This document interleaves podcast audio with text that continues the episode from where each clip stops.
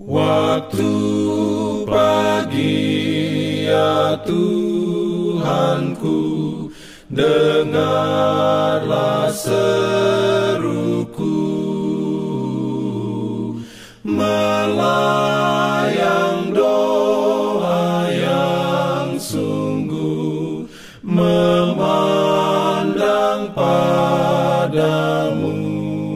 Selamat pagi pendengar Radio Advent Suara Pengharapan.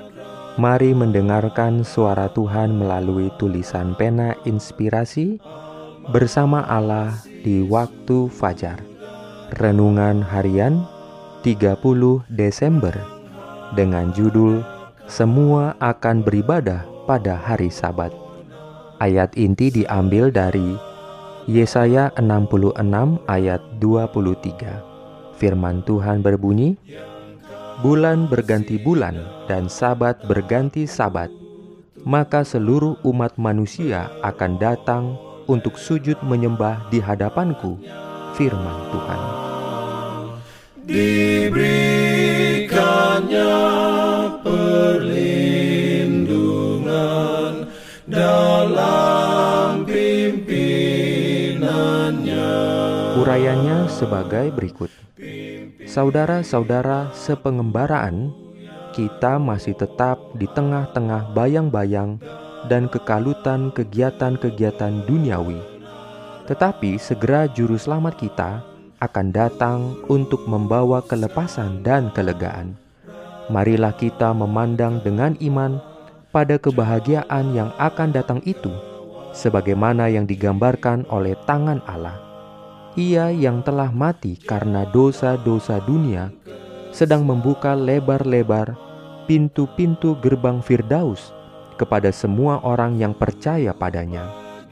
Segera peperangan akan berakhir dan kemenangan diraih.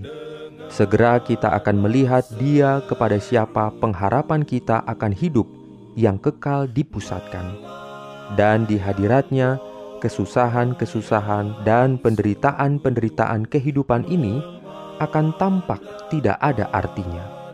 Perkara-perkara yang lama tidak akan diingat lagi dan tidak akan timbul lagi dalam hati. Bangsa-bangsa yang diselamatkan tidak akan mengetahui hukum lain selain dari hukum surga. Semua akan menjadi suatu keluarga yang bersatu berbahagia dibungkus dengan pakaian pujian dan ucapan syukur. Di atas pemandangan itu, bintang-bintang fajar akan menyanyi beramai-ramai, anak-anak Allah akan bersorak karena sukacita.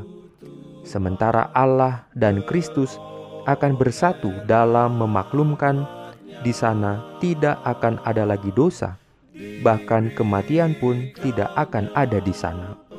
Pada mula pertama, Bapa dan Anak telah beristirahat pada hari Sabat setelah menyelesaikan pekerjaan penciptaan.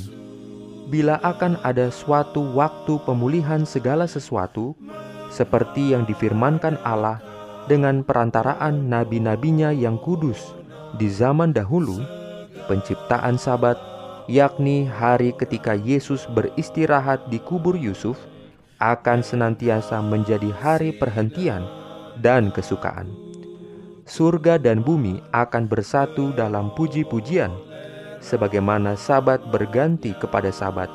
Bangsa-bangsa yang diselamatkan akan tunduk menyembah Allah dan Anak Domba dengan kegirangan. Amin.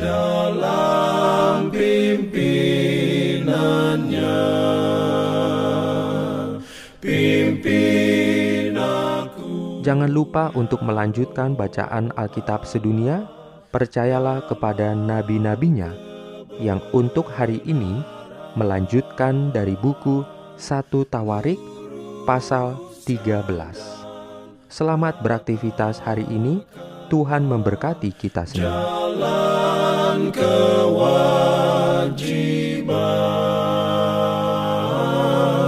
Jalan